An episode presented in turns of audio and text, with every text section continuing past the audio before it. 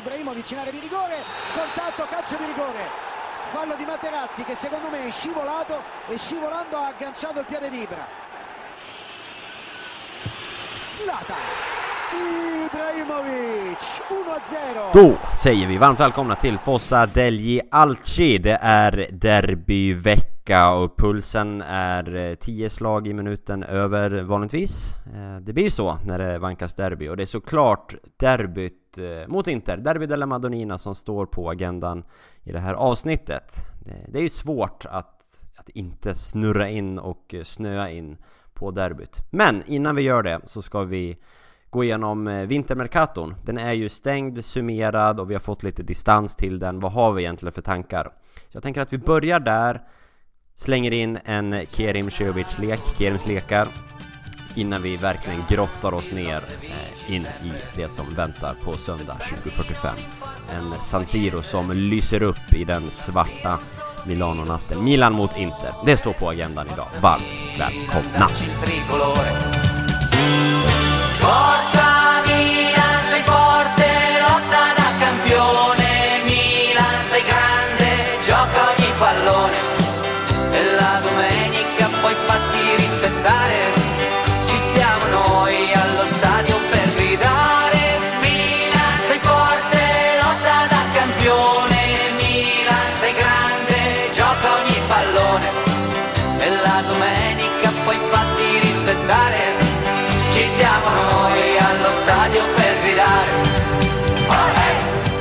Full manstyrka idag. Eh, såklart, det är ju som sagt derbyvecka. Andreas, hur eh, mås det?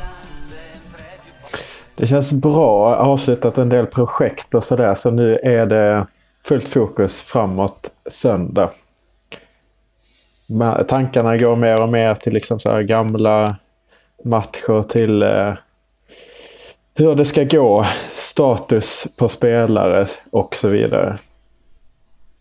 Ja, det oroar ju en, viss status. Vi kommer nog in på det. Kerim, hur är läget i Nyköping?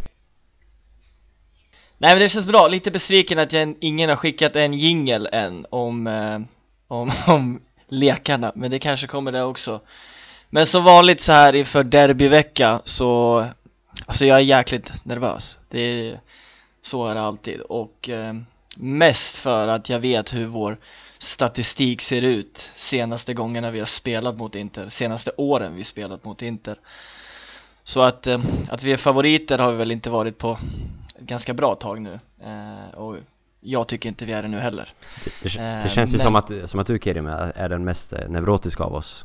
Jag ser att jag hade 10 högre i puls, det är kanske en kryddning, för det har jag inte riktigt än. Men du, du har ju definitivt 10 högre i puls än vad du brukar snitta. Alltid, och det brukar, framförallt när vi möter Inter alltså, det, det är någon, ni brukar beskriva det som hatkärlek, för mig är det nästan bara hat liksom. Men, eh, nej men det är viktig match eh, på många sätt och vis, inte bara liksom prestige utan det är så mycket mer på spel eh, Tror jag inför den här, inför den här eh, derbyhelgen. Som sagt, vi kommer in på derbyt, men Andreas, eh, jag tänker att vi börjar prata Mercato. Eh, den är ju, som jag sa tidigare, den är ju klar och summerad och vi har även fått lite distans till den. Vi har spelat en match med våran eh, nya trupp, om man får kalla det så. Och Milan var ju ganska så aktiva den här januarifönstret. Vi- Vi börjar spontana, eller spontana, du har som sagt fått planera. Men vad tänker du om den här Mercaton? Eh, Det är sällan jag är mer negativ än den, eh, eh, den genomsnittliga Milan-supportern men nu tror jag att jag är det. Jag vill nästan höra vad ni har att säga först. Eh, du eller jag Kerim? Kör du David! Eh, nej men jag är väl någonstans i ett mellanmjölksland eh, Säger Kerim och tar ett glas mjölk Eller säger jag och ser att Kerim tar ett glas mjölk samtidigt. Eh, Alltså vi, vi, har, det, vi har gjort väldigt mycket. Eh, Vi har fått in en Zlatan som vi har pratat om tre avsnitt eller fyra avsnitt på raken Som gör ju en otrolig skillnad i den här truppen, i den här klubben, i den här staden som vi kallar Milano jag tänker inte att vi behöver grotta ner oss i vad eh, Zlatans har för betydelse, eh, viktig sådan, i den här truppen. Eh, sen om man tittar på de övriga värvningarna, Simon Kjär har ju visat sig här inledningsvis vara en jättebra värvning, breddar upp våran mittbacks position och bidrar med rutin. Klockren värvning. Sailmakers, eller hur fasen belgaren ska uttalas. Jag kanske ska använda Alexis eh, tills någon berättar för mig hur man uttalar hon, hans namn. Eh, stundtals såg han ju intressant och spännande ut. Jag tror han var sjukt nervös här senast så det är svårt att säga så mycket om honom. Eh, inte jättenöjd med att Diego Laxalt är tillbaks. Eh, men eh, spelade in, helt okej. Okay. Kollar vi spelade ut så har vi ju blivit av med ganska mycket löner. Jag är nöjd över att en sån som Borini har lämnat. Eh, inte för att jag har någonting emot Borini utan för att han faktiskt sitter på en hög lön och därmed blev man av med honom. Alltså jag tror, han måste gått med på en ganska rejäl lönesänkning. Även om han rev hans kontrakt. Eh, Ricardo Rodriguez satt ju på en hyfsad eh, lön också, blir man av med. Eh, Pepe Reina hade en jättehög lön. Eh, fantastisk människa i omklädningsrummet med en väldigt hög lön. Så man har ju ekonomiskt gjort det här ganska bra. Sen har jag en del frågetecken kring om vi verkligen har förstärkt truppen i det stora hela i det långa loppet över resten av säsongen. Jag tycker den är lite tunnare nu. Eh, och jag misstänker att det är en av dina tankar sen också Andreas. Men vad tänker du Kerim? Jag är väl väldigt enig i, i det du säger också. Eh, vi, vi skapar ju ganska mycket luft tror jag och framförallt så har väl den här eh, transferdelen varit mest gynnsam ekonomiskt, precis som du säger. Man har väl kastat ut lite, dött ska jag väl inte säga, men man har luftat ganska rejält i den delen och det är väl mest där man surrar kring i Milan-läget, att det har gått bra liksom ekonomiskt, en ekonomiskt fördelaktig och bra eh, transfer. Eh, men sen, jag är inne på ditt spår också, jag tycker inte heller nödvändigtvis att vi har förstärkt truppen något enormt. Jag är också lite besviken på det här med Diego Laxalt och så vidare. Alltså man kunde ju kanske lika gärna behållit Robert Rodriguez, eller Rodriguez då eh, och, och, haft kvar han. Jag vet inte riktigt vad tanken helt enkelt var där. Men eh, det känns ju givetvis väldigt bra att Zlatan har kommit. Det har jag sagt många gånger. Sen hur det är med de här Alexis och den här, jag vet inte nu, Robertson hette han så, som bara fick vända helt plötsligt. Eh, och hela den soppan också, det är ju otroligt konstiga saker. Eh, jag tror det är ganska bra att Asmir Begovic har kommit in. Eh, kommer bra mål som jag sagt tidigare i något inhopp. Eh, så jag tror det är ganska bra. Eh, de som har lämnat, ja alltså jag är också väldigt glad att Borini har lämnat. Han tar ju inte ens plats i Hellas liksom nu som vi såg. Inget illa mot Borini. Han startar men, nu mot Lazio som anfallare. Eh, När de eh, tog poäng av Lazio borta. Så det är inte bara mot ja, Milan spela... som Verona tar poäng. Nej, precis. Passus. Fick du in, fick du in mm. där också, det är bra. Eh, det är lite synd så här också med du vet Mattia Caldara och så vidare. De, de här delarna fortsätter ju på något sätt att vara en svart fläck över allting och återigen gör vi ett väldigt dåligt, ett, liksom en, en, en dålig affär eh, i att han försvinner. Eh, Krzysztof Piatek, förbannelsen nummer nio liksom, eh, var Wonderkid på något sätt förra, förra säsongen men återigen dålig bedömning eller kommer han upp till sin potential nu? Jag vet inte. Eh, men återigen en, en, dålig affär eh, om man kollar från, från början. Eh, Sose försvinner, ingenting att anmärka där egentligen. Han har ju gjort sitt väldigt bra i Milan tycker jag faktiskt. Eh, och var med i vår så kallade Banterera tillsammans med Bonaventura var väl han de som liksom var någon form av ljus under våra värsta tider för några år sedan. Men jag känner ändå någonstans att han har gjort sitt också i Milan. Eh, men i längden ändå, jag, jag litar ganska mycket på Bobban och Maldini. Jag var väldigt negativ till en början liksom med allt kring Gianpaolo och allt det här och det som rörde omkring där. Det var dåliga bedömningar och dåliga beslut där också. Men, men ja, Theo ändå, Benazer, alltså det finns Jag litar ändå på hur de arbetar och vad de gör. Eh, Så att eh, Ingenting särskilt egentligen att märka här. En, en, eh, Men en tunnare trupp absolut, jag håller med där men ekonomiskt gynnsam eh, ändå. Jag tror att man laddar för någonting stort i sommar, det är min känsla. Jag eh, eh är väldigt, väldigt kritisk. Jag tycker att det är kanske den sämsta eller bland de sämsta jag har eh, varit med om vad det gäller transferfönster.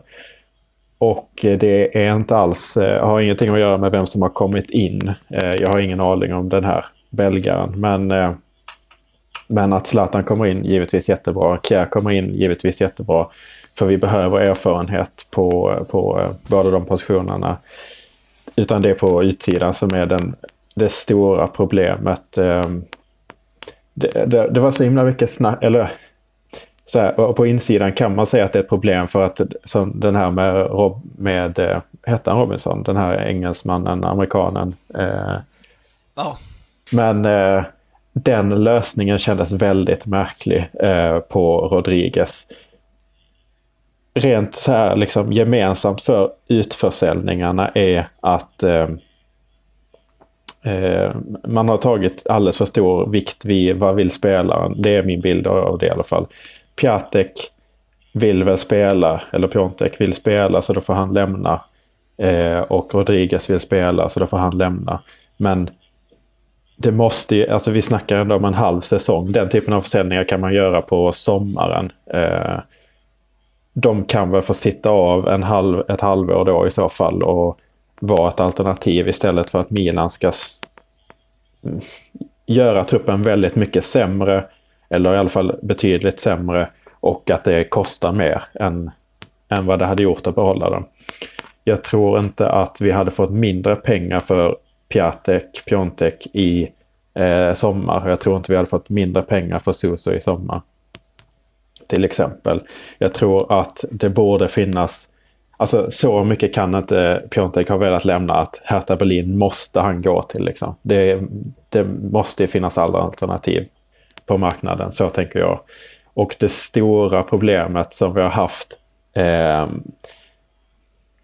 sen eh, början av den här säsongen var att vi sålde Silva, vi sålde Cotrone och hade då bara en anfallare eh, i Piontek då. Det var extra stort problem i början för Jan Paolo, vi spelade med två anfallare. Eh, men eh, och med anfallare menar jag liksom någon som kan stanna i boxen. För Leao, Rebic och de som kan spela på offensiva positioner, de är ju inga centrala anfallare. Det har vi sett, det funkar inte. Vi såg det i den här matchen där Zlatan var borta om inte annat. Eh, det var ett stort problem i höstas att vi bara hade Piontek för att han var dålig. Och när han är, är dålig så hade vi liksom inga alternativ till honom. Vi hade ingen Cotrone som kunde, kunde steppa in. Och nu har man gjort det här bytet till Zlatan och Zlatan är här och nu en bättre spelare. Det är en spelare som har mer rutin, vinnarskalle och allt det där som vi behöver. Men han är ju 14 år äldre än Piatek. Och eh, vi såg redan nu, han har muskeltrötthet och så vidare. Att lita på att Zlatan kan spela 90 minuter alla säsongens matcher är väldigt ohållbart. Eh, och utan Zlatan så, man har liksom gjort Zlatan ännu mer oumbärlig för laget när man inte har någon som helst ersättare. Och jag menar, det, det finns ju alternativ tillgängliga. Vi såg Musa Barrow till exempel gick till Bolognas superfin anfallare som, som kan nöja sig med att vara reserv.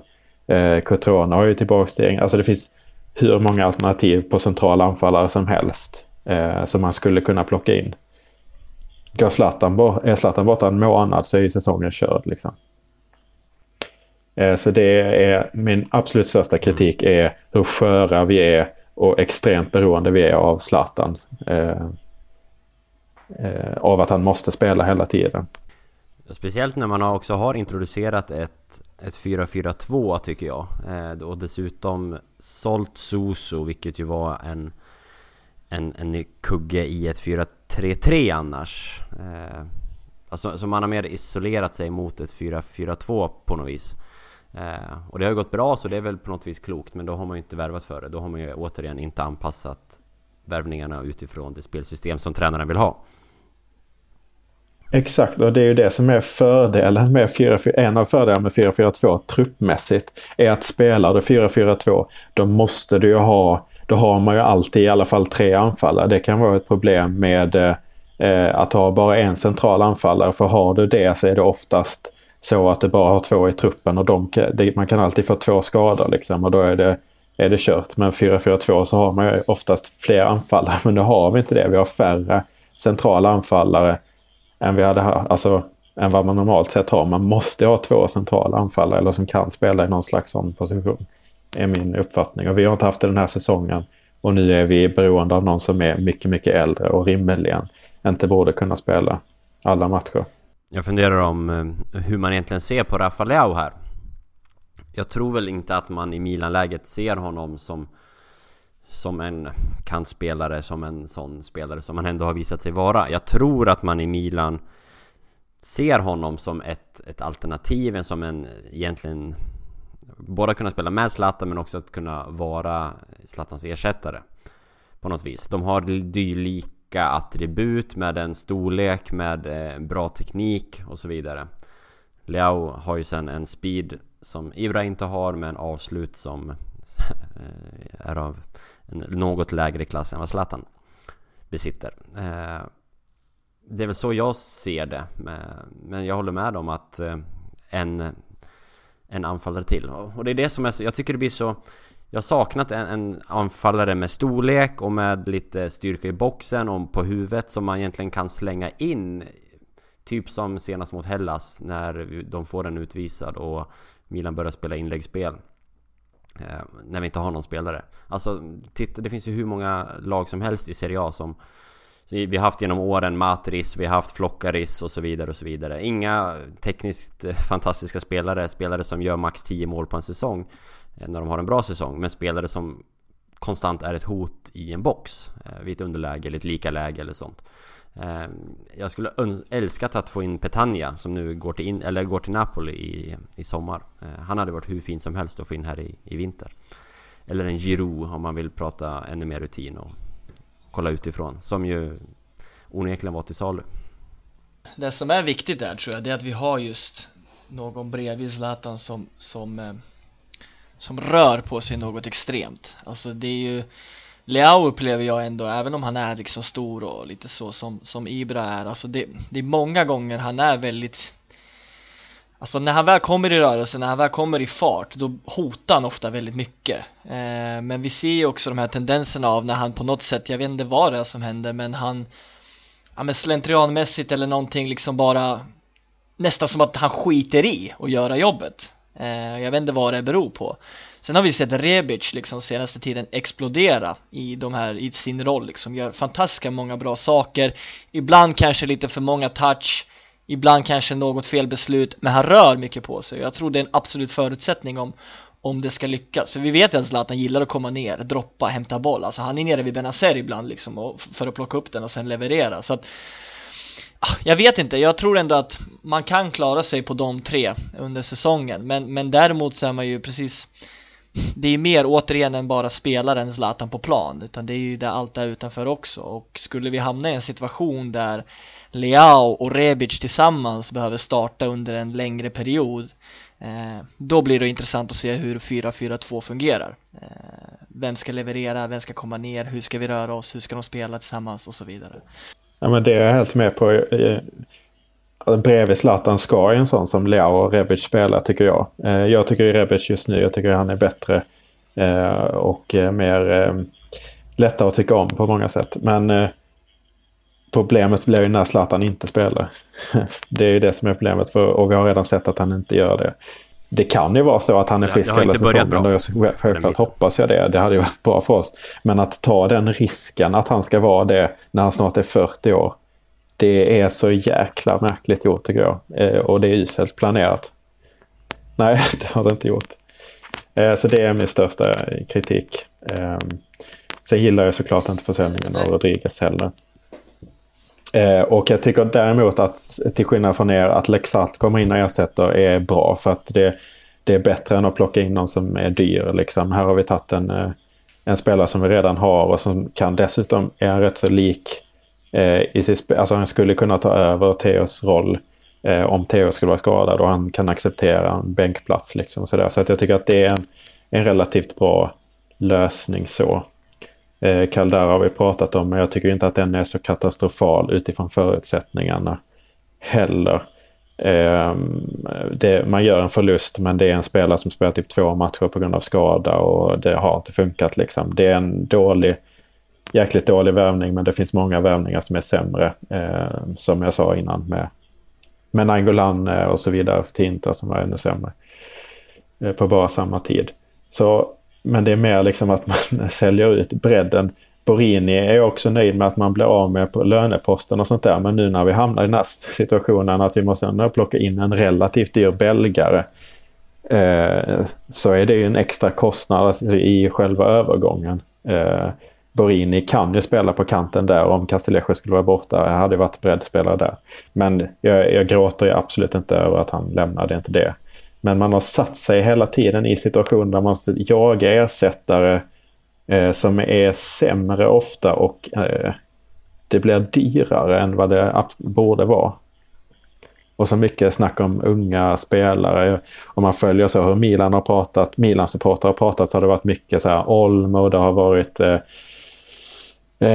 den här backen i Barcelona. Massa olika talanger och det är inte det Ja, precis. Det är inte det som jag ser som något problem att vi inte har tagit. För jag menar att talangen har vi redan i truppen. Verkligen tillräckligt mycket för den här säsongen i alla fall. Det är inte problemet utan vi behövde in erfarenhet. Vi fick in Zlatan Kjär, det är jättebra. Vi hade, hade man kunnat hugga på någon annan, typ så här Rakitic eller eh, något sånt här tungt, erfaren eh, namn till mittfältet, då hade det varit bra. Men fine, då händer inte det. Det, det är inget inget konstigt med att inte värva talanger nu. Det har jag absolut inget problem med. Utan problemet är försäljningarna. Mm. Suso är också fult. Alltså varför gör man så? Eh, mm.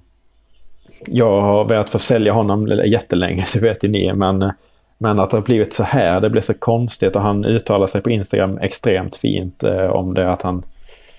Ja, Nej, hela den eh, grejen är också Det ligger en alltså. hund begraven kring Susu-affären känns det som.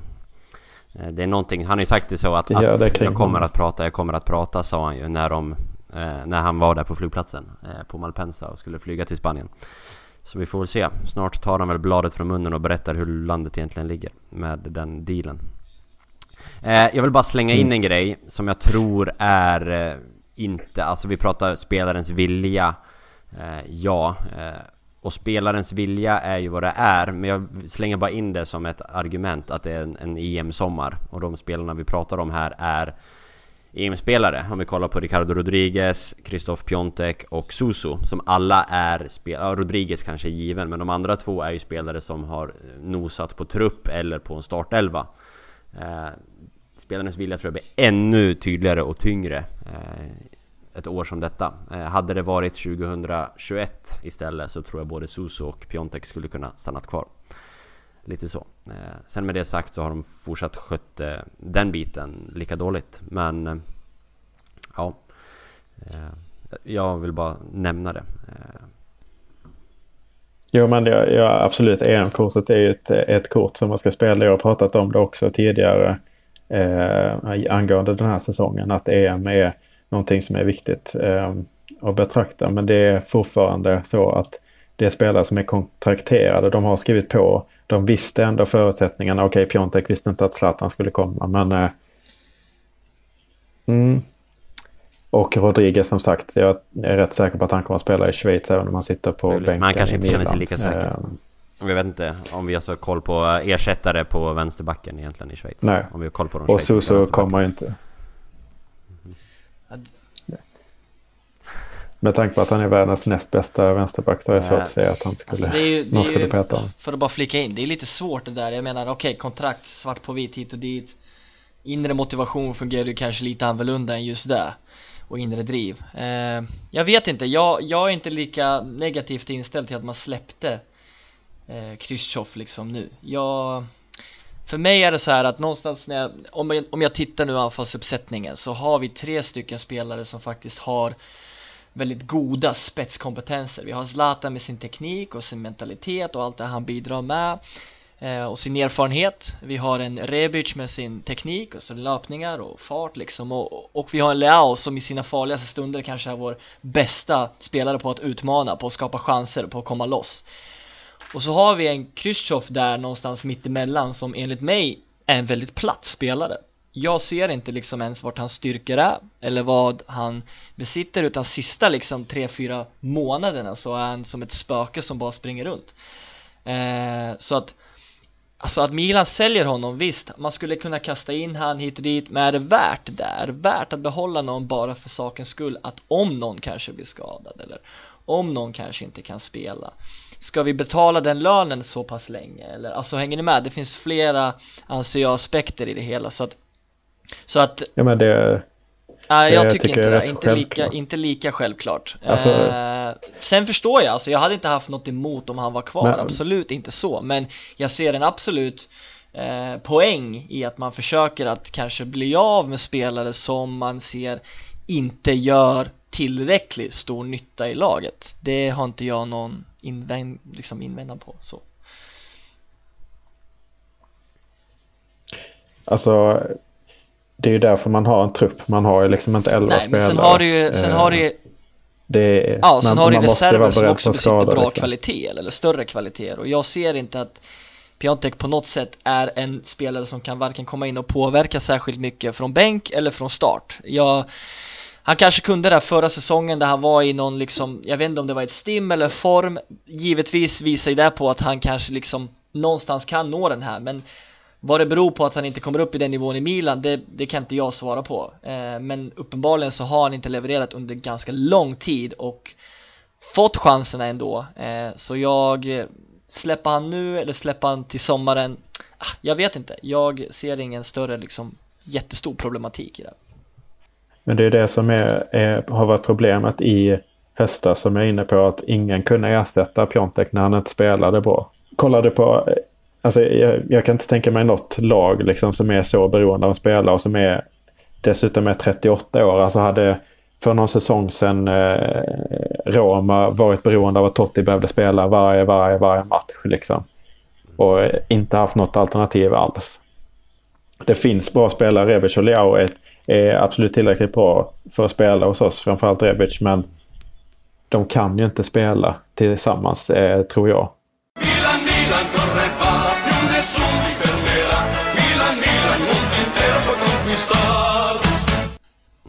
Kerims lökar!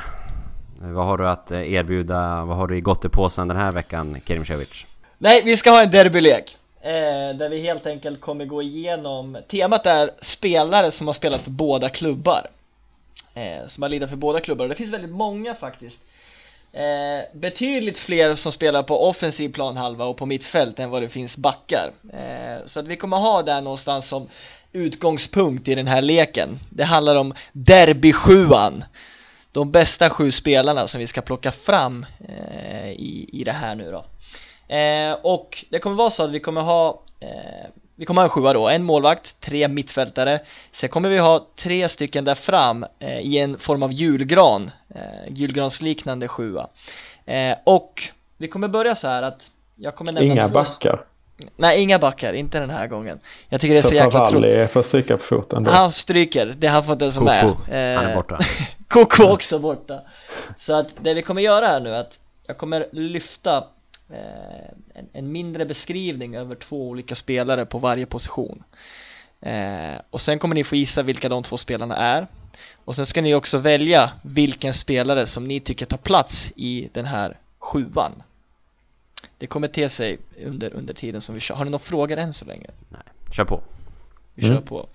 Så att Andreas, vi börjar med dig här nu då. Eh, så det är alltså två spelare som jag kommer lyfta här nu. Och så ska du välja, vi kommer göra en gemensam sjua alltså. Det kommer bli en gemensam sjua. Så att vi börjar med dig Andreas, så går vi till David, sen Andreas och David. Ni förstår. Då får en Andreas Eh, en mer. Ja, det jag kanske han får. Fortsätt. Hur som helst, vi börjar med målvakten nu. Eh, och nu får vi gå tillbaka till första spelare Andreas. Vi får gå tillbaka ganska långt i tiden här nu. Eh, den här mannen gjorde 277 matcher eh, i Milan mellan år 49 och 59. Han spelade 79 matcher i Inter mellan 60 och 63. Förstår ni hur svårt det är att hitta målvakter nu här som har Ja. liksom lirat i de olika delarna. Men det som är intressant här nu är att han faktiskt är eh, Gianluigi Buffons farfar eller morfars Ja, kusin just det. eh, Där någonstans Så att den här mannen är alltså kusin med Gianluigi Buffons farfar eller morfar Någon av de två, jag är lite osäker vem det är Har du någon aning om Andreas om vad den här personen kan heta?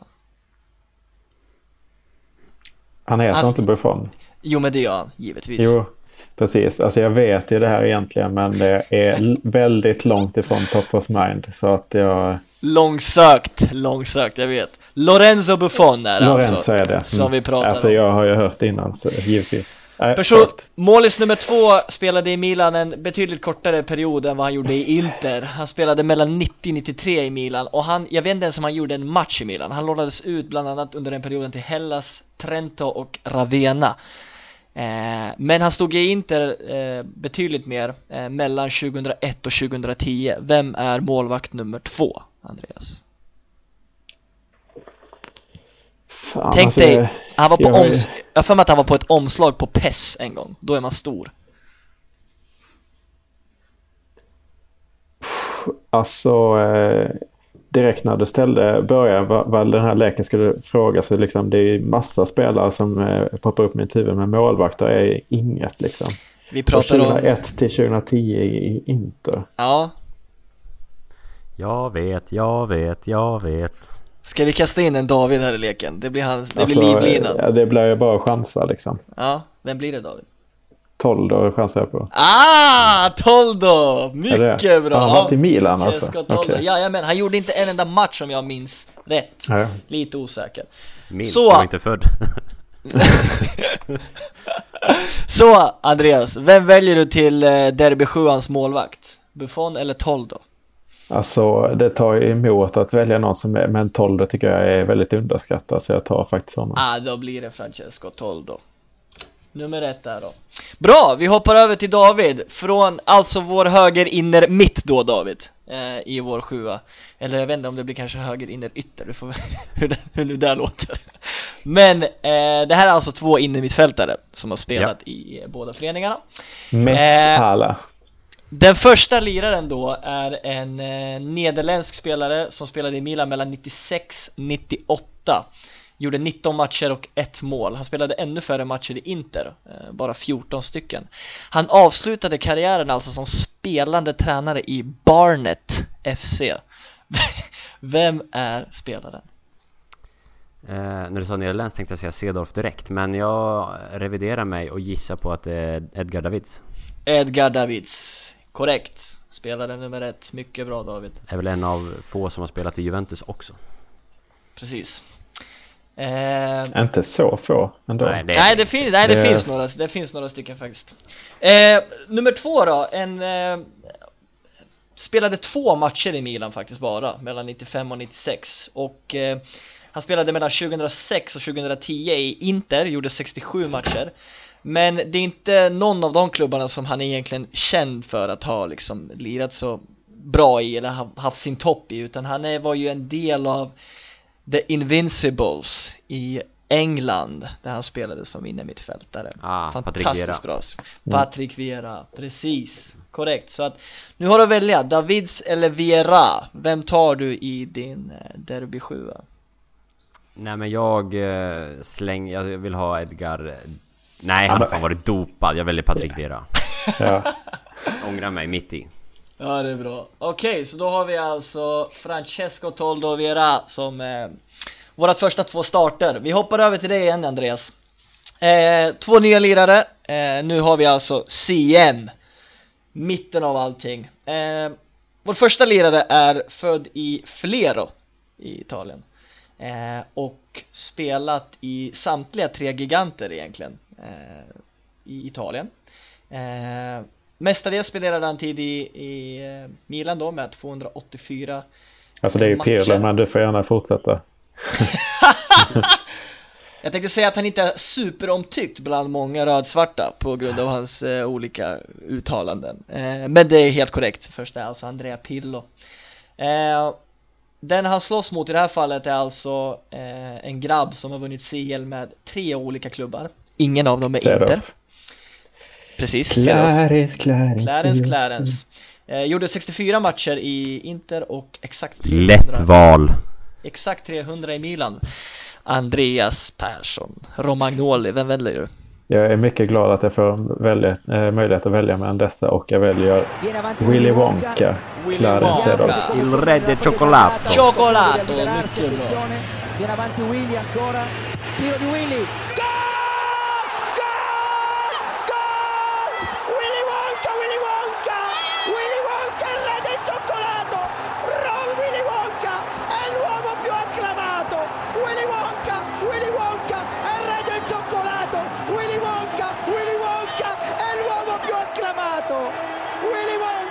David, igen.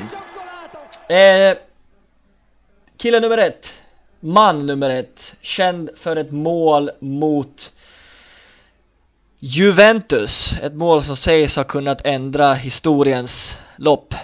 Eh, Sulemontari. Framtidens Solem Montari, exakt. Spelar 70 matcher i Milan och Jag väljer 66 Sulemontari. Ja. Jag också. Jag vet inte om jag borde gett den här till dig Andreas. Men den här är ändå kanske lite svår för vi har hans motståndare Har eh, spelat både i Milan och Inter men även Juve. Eh, Och anses av många vara kanske en av de Italiens absolut bästa eh, spelare någonsin, om inte den bästa.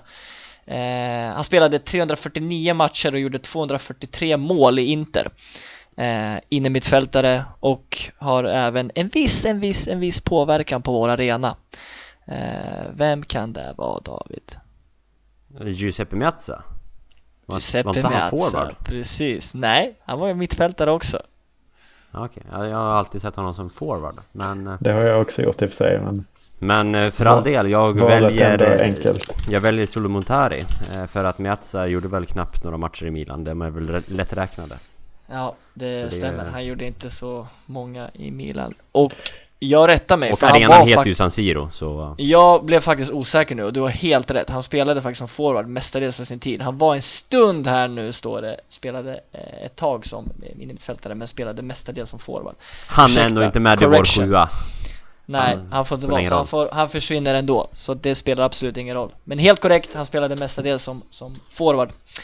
Eh, hur som helst, vi hoppar fram till vår trio längst fram eh, och det blir inga yttrar alltså utan vi får på något sätt se det här som släpande forwards. Alla är ju anfallare, alla är målgörare givetvis och eh, Andreas, vi börjar med killen nummer ett eh, som har börjat, eller som har vunnit både Uefa-cupen och Champions League. Ingen av dem är Inter. Eh, var italiensk skyttekung 2000 och italiensk ligamästare 2007. Vem pratar vi om? 2007 är det inte. Vieri. Inte Vieri. Nej, inte den här gången. En Han kan ju inte liten vunnit Uefa Cup med Milan heller, för Milan har väl aldrig Nej. vunnit Uefa-cupen? Han har däremot vunnit Champions League. Ja, jag tror jag vet vem det är. Kanske. Satan. Här får jag klippa. Bara så ni vet nu så tänker Andreas mycket längre än vad det här eh, utspelar sig. Väldigt, Andreas, Andreas har ju tänkt i tre och en halv minut nu. Ja. Viss skarv. Nej, jag eh, passar på den. Får jag gissa? Du får gissa David. Det vore jobbigt om jag har fel. Men jag gissar på Hernan Crespo. Hernan Crespo, helt rätt! Oj vilket mål han gjorde 2005 mot Liverpool också. Ja, Ja. riktigt. Mycket Passen från Kaká. Det minns vi, det minns vi. Det är- Mot honom ställs en grabb född i Palermo eh, och kanske en av de mest kontroversiella lirarna någonsin. Vid ett tillfälle i Barcel- mot Barcelona när han spelade i Inter så tar han av sig tröjan och faktiskt kastar den rakt ner i backen. Jag tror det var semifinalen där när de vann med 3-1. Eh, jag själv personligen har en jättefin video när han lägger ett inlägg eh, till de Jong 2014 när vi var på plats eh, som nickar in den i mål mot Inter. Vem är det jag talar om Andreas? Eh, Jag tappar fokus eh, kort tid under din presentation, men Balotelli måste det vara. Balotelli, precis. Korrekt, korrekt. Crespo versus Balotelli. Man har ju en komplicerad relation till eh, de båda egentligen, men kanske framförallt Balotelli. Nej, jag får säga Jag får faktiskt säga Crespo här. Hernan Crespo. Jajamän, gå vidare som forward nummer ett då alltså. Jag gillar ändå Andreas att du lägger mycket tid på att tänka, jag ser det nu när du Ja, men det är viktiga frågor. Hjärnan bara rullar, det är bra, mycket fint eh, David, Yeah. nummer ett, spelat i 15 olika klubbar mellan 89 Christian och Vieri. 09 Christian Vieri. Korrekt, korrekt, nummer ett, Jag hoppas att du hade med eh, Ibiza i din... beskrivning. Eh, inte att han har spelat i Ibiza utan att han brukar hänga på Ibiza. Jag hade inte det faktiskt. Nummer två. Den här mannen hade smeknamnet Nu ska vi se om jag säger rätt, rätta mig om jag har fel. Il Divino Codino Kanske, något sånt. Eh, Som betyder den gudomliga hästsvansen. Eh, Då han lirade större delen av eh, sin fotbollskarriär i en liten eh, hästsvans. Eh, Gjorde avtryck Jag vill bara säga att avtryck. jag vet vem du menar här också. Ja, gjorde stort avtryck i VM 94 men missade sin straff i avgörandet mot Brasilien. Någonting han själv beskriver som är en av de värsta stunderna i hans liv Än idag Vem är det vi talar om?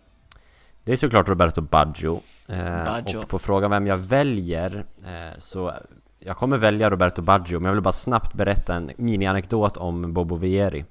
Eh, för han har haft en ganska en, en roll i min uppväxt. Eh, eftersom jag, som kanske någon vet men förmodligen långt ifrån alla, så har jag en lillebror som håller på Inter och jag håller på Milan och anledningen till det är att eh, vår pappa köpte en eh, Pippo Inzaghi-tröja till mig och en Christian Vieri-tröja till min lillebrorsa eh, runt millennieskiftet.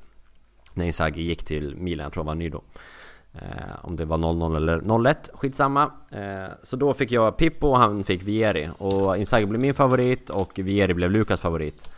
Eh, och förblev så. Och Lukas är tre år yngre än mig. Eh, så han var inte riktigt lika... Han blev inte lika insatt lika snabbt. Så det, jag kommer ihåg kvällen det blev klart att Bobo Vieri gick från Inter... För han gick väl från Inter till Milan. Eh, nu får någon annan lyssnare rätta mig om jag har fel. Men eh, Stämmer. jag kommer ihåg det och jag berättade det för Lukas en sen kväll kommer jag ihåg. Och jag kommer ihåg att Lukas började gråta. Han kan inte ha varit speciellt gammal så det är en naturlig reaktion. Men Lukas stora favorit gick från Milan till Inter och var en flopp i Milan i princip. Eh, Men eh, eftersom han ändå, jag förknippar honom mer med Inter så därför väljer jag Roberto Baggio på grund av fotbollsspelaren han var. Och inte för varken insatserna i Milan eller Inter. Roberto Så. Baggio alltså mm.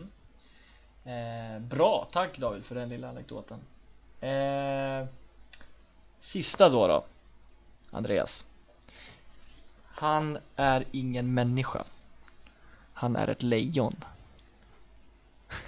Är han dansk? Om han är Vem kan dansk så vet jag.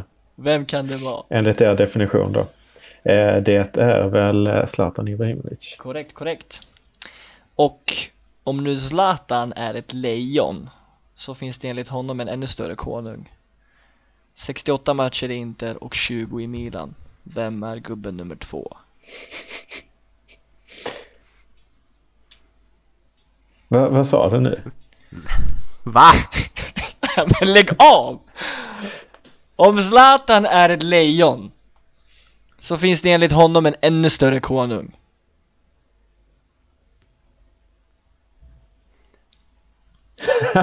Det här ska du kunna Andreas! Alltså Andreas, det här, det här är en man som drar till med de sjukaste analyserna och kan så mycket och så Ja. bara får han hjärnstopp på det här liksom. Hjärnstopp. Nej, det här är... Jag gjorde till och med eh, en gest i våran webbkamera-chatt här också. Jag tror Andreas såg den men jag tror ändå inte du fattar. Jo, alltså jag kopplar, eh, jag kopplar grejen men jag kopplar inte. Vad heter han?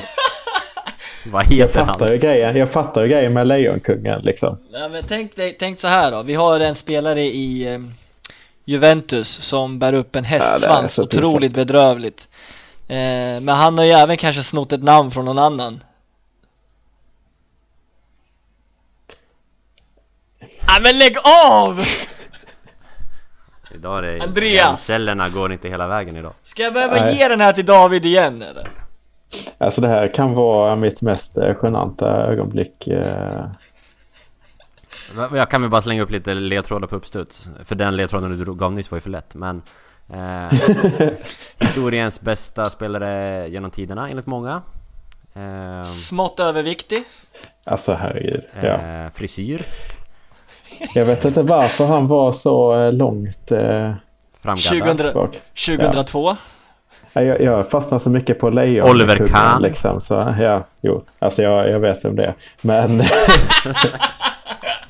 men... Eh, Han jag sa inte Lejonkungen, fastnade han, på den här han, lejongrejen liksom. Nej, men- det var ju det jag fastnade på. ja, Ja men det är ju att att det är Zlatan, Zlatans eh, idol Mm. det är ju Zlatans Ja. idol så att eh, det var Ja. lite där jag försökte dra men eh, det kanske inte, Ja. David greppade den ganska fort så jag är inte besviken med den. Alltså det här blir ju en extra delikat fråga för mig givetvis. Ronaldo var eh, ett av mina första fotbollsminnen VM 2002. Då var han jävligt bra. För jag var rätt sen på fotbollen. Nej men eh, det finns väl ingen anledning att säga Zlatan.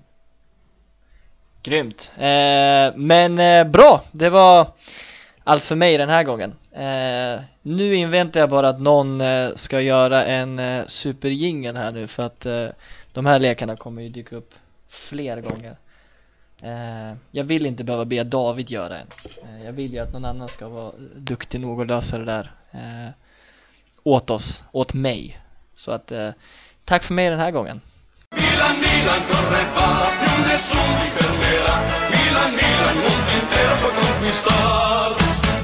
Yes, vi rullar vidare. Kerims eh, lek. Det, var- det var en kul lek. Eh, mer sånt. Eh, du får gärna flagga för att den tar halva avsnittet nästa gång. Jag ska försöka, men grejen är så här att ni är så jäkla bra av er och bara, eller är det bara jag som pratar för mycket? Jag, jag skyller på er att ni pratar för mycket, jag gör det nu. Ja, det är sant.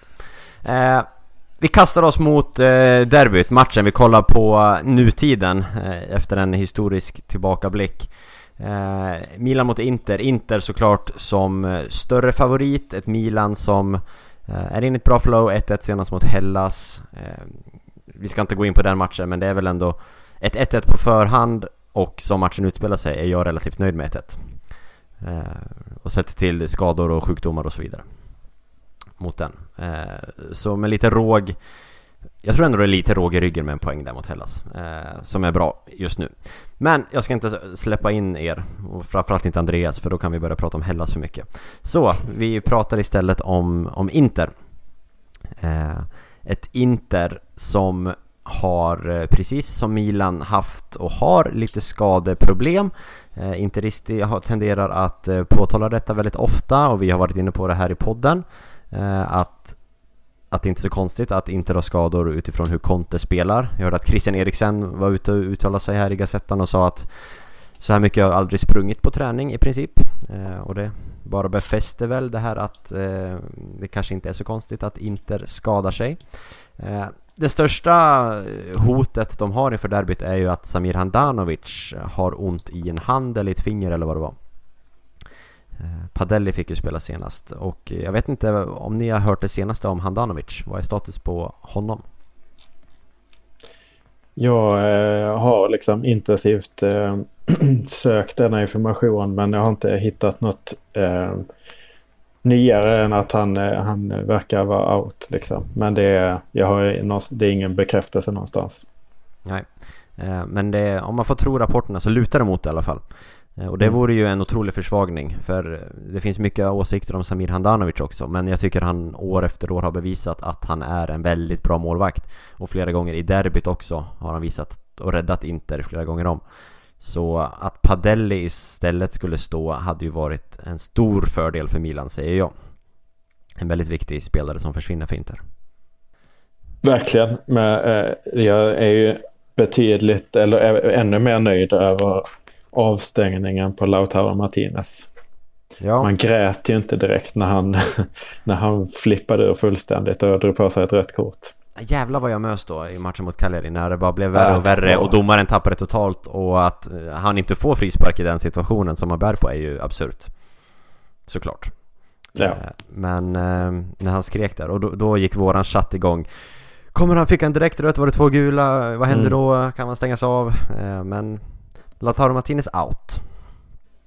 Och även Bastoni avstängd på eh, gula kort. Mittbackstrion, är den intakt? Godin, De Vrij och Skriniar? Med tanke på att Bastoni brukar spela så är den ju inte intakt. Men det blir ju med Godin då. Ja, för all. Eh, Det är ingen dålig ersättare där heller. nej, och det, det är, när man ska möta Zlatan så eh, är det ju liksom det är några tunga herrar där. Men man ser ju gärna en Leao och Rebic stå för att springa, springa vändor in, eh, runt Godin. Jag tycker inte han har imponerat i Inter och han är inte van vid trebackslinje och det är så eh, är synligt. Han, eh, han klarar inte av eh, snabba spelare som utmanar honom när han är lite längre ut på kanten och inte har fyrbackslinje och backa tillbaks på. Vem var det som hade Godin på sin kant senast? För jag har för mig att Godin hade det tufft i senaste derbyt. Jag minns faktiskt inte riktigt. Nej, Men, det gör eh, inte jag heller. Om det var Theo? Som... Ja, det kan ha varit Theo. Eh, Mm. jag, tror, jag tror att där finns en otrolig eh, chans att nyttja. Alltså Leaos snabbhet exempelvis och så vidare. Det, det ska det ska vi utnyttja. Eh, sen är jag vet inte riktigt, alltså status inte. Det, Eriksen precis kommit in, han vill säkert som vi pratade om liksom visa upp sig. Eh, jag tycker Young inte alls är en bra spelare så där kan ju Castillejo säkerligen snurra lite och så. Möjligheterna liksom finns. Eh, Kandreva som, som verkar starta eh, har ju alltid, eller jag har känslan av att han alltid gör supermatcher mot Milan. Så att där är jag verkligen orolig. Barella på Han, mitten och han är ju förmodligen på, ny, på nytt född deluxe Ja, alltså. Antonio Candreva har gjort en supersäsong. Man måste Visst. verkligen, han har jättebra. Brozovic där i mitten med Barella också intressant liksom vad som kan hända. Sen får vi se, jag tror Sanchez på topp där. Eh, jag ser inte han alls som någon större, alltså det, det ska vi kunna ta. Ja, han har ju varit för mig ganska off ett, ett bra tag så jag, jag är inte särskilt orolig. Jag tror Inter kommer tappa ganska mycket på att de inte får ha eh, med sig sin, enligt mig, Eh, bästa spelare, eh, Lautaro. Eh, så att, eh, ja, Lukaku givetvis alltid farligt men jag tror att eh, jag tror att de tappar väldigt mycket med att han inte får eh, spela med sin eh, favoritkompis. Jag funderar på hur säkert det är att Alexis verkligen startar. Eh, Sebastian Esposito har ju fått spela en hel del den här säsongen faktiskt. Eh, gjort sin första mål och så vidare.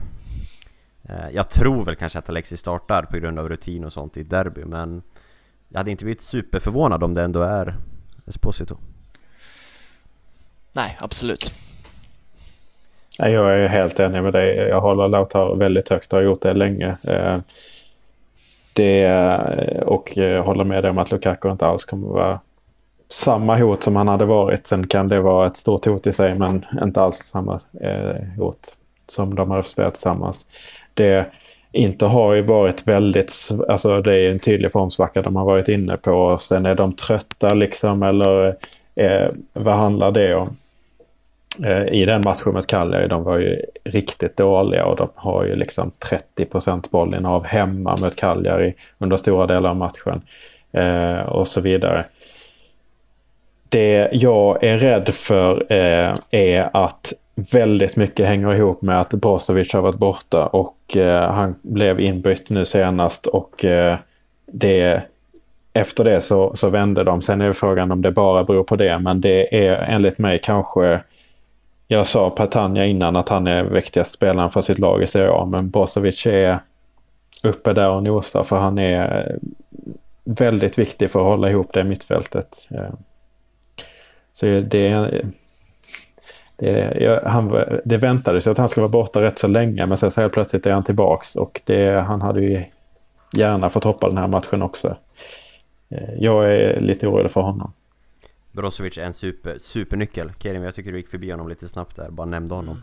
Absolut. Eh, Brozovic är, eh, från att ha varit en lat, eh, slarvande mittfältare för bara ett par år sedan så är han idag en av världens bästa på sin position tycker jag. Jag tycker han är grym. Dessvärre. Eh, och han är väl dunderstart. Och Eriksen lär ju inte starta utan det lär väl bli Brozovic, Barella, Sensi gick väl ut senast va? Eller eh, har jag för mig skadad? Jag tror Sensi är tveksam men eh, det, det är ju det som är frågan för jag är inte heller sådär jätteövertygad om Eriksen nu på kort sikt. Framförallt eh, längre sikt absolut. Alltså det är en jättebra fotbollsspelare. Det är ett stort namn för Serie A eh, och inte såklart att han väljer den klubben även om Real Madrid eller någon annan klubb kanske inte ville ha honom så himla mycket. Men eh, det är såklart ett stort namn. Men jag tror mer att det är en Mota, alltså sportchefsvärvning, än en tränarvärvning. För, det, för mig är det inte helt uppenbart att han går in i, i, i Contis system. Även om han har spelat i Premier League, han har spelat med högt tempo och hela den biten så är jag inte helsåld på att han går in där direkt. Och är det någon roll han ska ta så är det ju Sensi och Sensi är jag väldigt svag för. Det vet ni och tjatade typ hela sommaren om att Milan skulle värva Sensi och sen så eh, när han spelade i Cagliari och sen så gick han till, Sassuolo. till Inter. Eh, ja, förlåt, Sassuolo. Eh, eh, jag tänkte på Barella där. Men eh,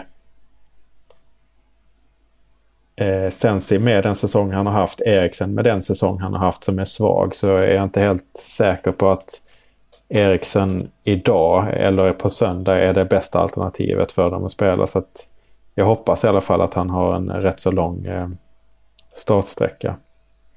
Jag tror vi kommer få se Gal Gagliardini eller Vecino på den platsen. Jag tror Sensi har, han har inte varit bra sedan han kom tillbaka från sin lite längre skada och dessutom tveksam. Eh, jag tror vi kommer få se förmodligen Gagliardini och det skulle jag vara nöjd för för jag, jag gillar inte Mattias Vesino. Jag tycker han, om Kandreva alltid gör bra matcher så tycker jag Vesino alltid gör bra matcher också mot Milan. Eh, så jag tror att vi kommer få se ett mittfält av Gagliardini, Brozovic Jag tror Gagliardini är skadad Barella, också. Barella. Jag tror Gagliardini är skadad också. Jaha, är Gagliardini skadad? Det här vi, kan, här vi skulle ha med en, en Inter-expert, det har vi inte. Slapp research också. Ja men de, alltså grejen är att de har ju inte, alltså du kör Interisti och Conti framförallt är ju en jävla gnällspik som vi vet. Alltså de har ju så fantastiskt Alltså det är så okarismatiska tränare i den klubben. Först Spalletti och Conti. Jag har alltså Conte. Det är, ja, det är svårt att ta in hur, hur jobbigt det är. Alltså jag, jag hade aldrig kunnat hantera att ha en sån tränare i min egen klubb. Han gnäller på allting. Och skador också då. Men de har ju inte så många skador heller. Det är inte så konstigt som du säger och vi har pratat om tidigare. De springer som fan. Det är klart att de blir skadade, drar på sig muskelskador så som de håller på. Men de har ju inte så många skador heller. Men de klagar på det väldigt mycket. Så det är ju när man pratar om hälsa i sjukvården så pratar man ju om, eh, dels är det ju eh, den fysiska hälsan men det är ju också den upplevda, den psykiska hälsan och Conte upplever uppenbarligen att hans trupp mår väldigt dåligt så det får man ju ta in också.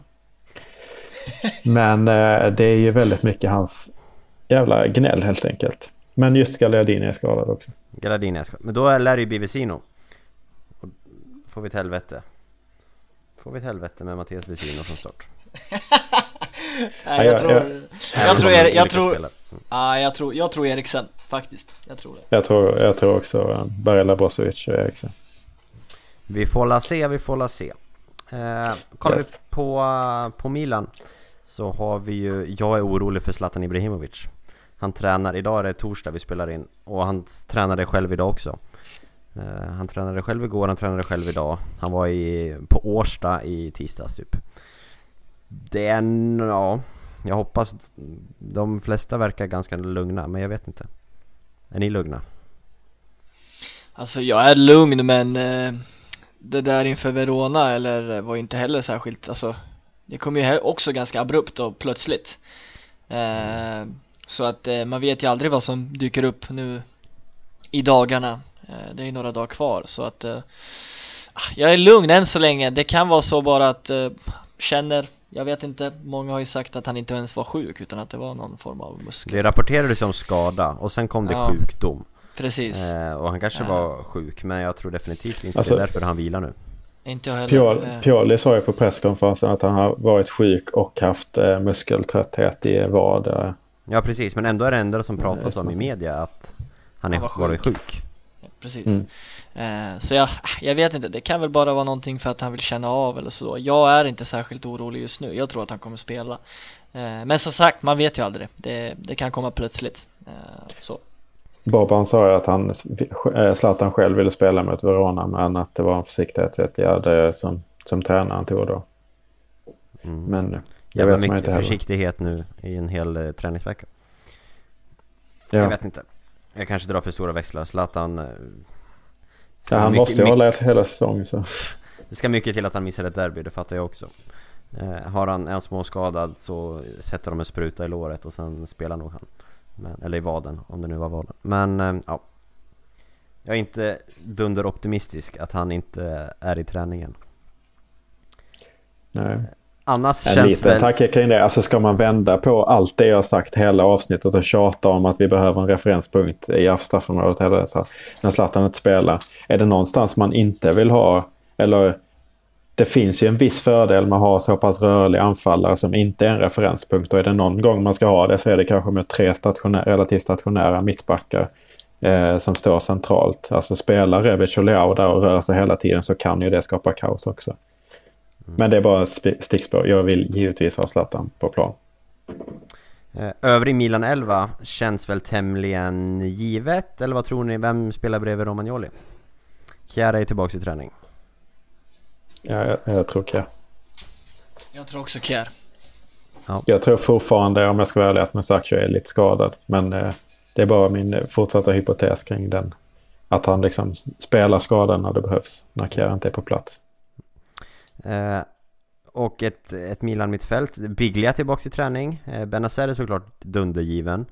Eh, Biglia kanske inte går in. Men är det någon som skulle kunna gå in efter en skadefrånvaro på två månader så är det Lucas Biglia på något vis. Men jag tror nog inte det. Det lär ju bli Frank Kessie tänker jag. Tillsammans med eh, Castillejo såklart och Hakan va? Det tar emot alla fibrer i ens kropp att man inte vill ha Bonaventura från start. Men just nu tycker jag att Hakan ska gå före och att Rebic ska stå bredvid Zlatan. Så då är det ju, finns det ju ingen plats för Bonaventura. Så är det, tyvärr. Sen, eh, ja vi får se. Rebic och Leao. Jag tror att det kan bli Rebic utifrån eh, rutin och att han har spelat stora matcher och att han är i bättre form just nu. Mm. Men ja. Och en se. bättre spelare. Och går inte ut och festar dagen, alltså kvällen efter en 5-0 förlust. Till exempel. Vad vi vet. Eh, Mm. Sköter tänk, det i alla fall snyggt i så fall. eh, jag tänkte eh, arenan San Siro slutsålt. Det, det svider lite att jag inte är på plats. Det var länge sedan jag såg ett derby nu. Hade varit väldigt kul och mäktigt att se Zlatans comeback på San Siro mot en kurva nord. Men vi, förhoppningsvis kanske man kan uppleva det nästa säsong. Eller så. Eller kanske i en cupfinal. Vad vet jag. Men eh, övriga andra tankar om matchen? Eh, känns, ni känns lite optimistiska ändå. Gör ni inte? Jag gör det. På, ja men på något vis, alltså du har ju känt Du är ju bara nervös men Jag vet jag har känt dig i många år och jag har känt dig på pulsen och jag tycker att den, När du har pratat under det här avsnittet här att du Ändå kan se möjligheter hur man kan slå Slå Inter om man ser en Ashley Young som en svaghet, om man ser en, en Zlatan comeback som en styrka, att man ser en eh, Rebic eller Leao som kan springa runt Godin och så vidare och så vidare. Nej men jag, ja, självklart. Jag, så jag kan väl säga så här. Jag, vi, om vi någon gång ska slå dem, då är ju den formen vi typ är i nu. Eh, och samtidigt som Inter har en liten svacka i sitt. Eh, skador, ja det har de också. Eh, avstängningar, ja det har de också. Eh, så att det är klart det finns en viss typ av optimism och det är derby och gamla klyschor liksom, allt kan hända. Eh, men jag går absolut inte in i några höga liksom, växlar på så sätt och tror att vi faktiskt vinner. Jag vågar inte ha den, eh, den med mig. Eh, men jag tror absolut att förutsättningarna att vinna, att ta tre pinnar är högst realistiska. Eh, sen tror jag att det slutar jag skulle säga 2-2. Klassiskt resultat. Det kommer ju avgöras på tilläggstid. Det är ju det enda jag vågar utlova. För det gör det ju alltid känns det som. Och nu finns inte Icardi där så då är inte det ett bekymmer. Vi har i och för sig inte Zapata som kan göra mål i 96. Vi har Rebic. Vilken, vilken fin grej. Ja, det har vi. Och Romagnoli som också gjorde. Men eh, jag eh, är väl både och. Det som, som jag sa som oroar mig är just Brozovic. Att han eh, kommer att spela från start. Jag tror att det kommer tyvärr göra stor skillnad. Men det vi har sett av Inter är att de är tröttare och tröttare. Eh, och eh, vi får hoppas att de inte orkar springa helt enkelt hela tiden. De har eh, börjat, alltså man ser tydligt att det är, de är inte i form och så klagar de på truppbredd. De har inte truppbredd. Alltså det är sånt jävla skitsnack också som Conte kör och som interistiskt smittas av den här vanföreställningen att de inte har någon truppbredd. Jag menar Lazio ligger högre upp. Har de inte har de en bredare trupp? Det har de inte. Men eh, det kan man ju, eh, kan man ju ha som föreställning. Men eh, jag hoppas att Eriksson kommer att starta och inte liksom, han kommer inte vara inne i det. Även om han har spelat pressspel med, med Pochettino och så vidare, hela den biten. Hoppas att han inte är van vid så lång, eh, låg utgångspunkt. Han kommer inte komma till sin rätta. Eh, jag hoppas att spelarna är trötta. Jag hoppas att Lautaro Martinez och Handanovic kommer vara stora avbräck. Eh, lite så. Eh, med, chansmässigt, vad, vad har vi? Jag, jag ger ju inte favoritskap men ett så stort favoritskap. Bra, eh, vi måste runda av det avsnittet. Avsnittet har blivit långt, vi är över timmen redan nu. Eh, vi får se om vi klipper bort eh, Andreas eh, tänkande på Kerims lek. Men det är alltid ett gäng svenskar som åker ner till det här derbyt. Kanske det är några som är på väg nu, kanske är det någon som sitter på flygplanet, lyssnar på Fossa Delialci, ska se sitt första derby, sin, kanske sin första Milan-match på plats. Jag tänkte avsluta det här med att måla upp någon form av bild. Det är en kvällsmatch, det kommer vara kyligt, det kommer vara dimmigt i Milano. Du ska, om du inte bor väldigt nära arenan såklart, ta tunnelbanan till match. Du ska ta röd linje, eh, du ska hoppa av på stationen som heter Lotto. Åk inte till stationen som heter San Siro på den nya moderna lila linjen. Åk till Lotto. Eh, traska upp tillsammans med alla andra rödsvarta och blåsvarta som finns för ni kommer åka dit tillsammans till matchen. Gå upp vid Lotto och följ strömmen helt enkelt. Gå längs med murarna. Eh, förbi hästbanan, hippodromen som finns där. Eh, har du tur så finns det riktigt fet fotbollsgraffiti längs hela sidan eh, med episkt målade bilder. Det beror lite på hur hårda de är på saneringen i Milano. När du närmar dig arenan så kommer du se stånd som säljer tröjor, som säljer lite käk och sånt. Köp ingenting än, utan vänta tills du kommer närmare arenan. För helt plötsligt, bakom träden, så kommer en mäktig arena Något du aldrig sett tidigare, var helt plötsligt bara dyka upp eh, Bakom träden, du ser ingenting, ser ingenting, pang! Där står San Siro med sina betongtorn, eh, eh, sina klassiska torn lyser upp i den här Milano-kvällen eh, som något som Gud sänt till jorden. Eh, du närmar dig arenan, det kommer vara fullt myller, det kommer vara TV-kameror som filmar fans som sjunger glada sånger. Det kommer vara glasflaskor som krossas, ha inte dina finaste skor på dig. Eh, och här ska du såklart gå till en av de hundratals matvagnarna som finns. Du ska köpa en salsiccia i bröd, eh, och det är inte en kornbröd utan de hackar upp salsiccian och plattar till den. Du ska äta den med stekt lök, paprika, majonnäs eh, och till det ska du dricka en öl.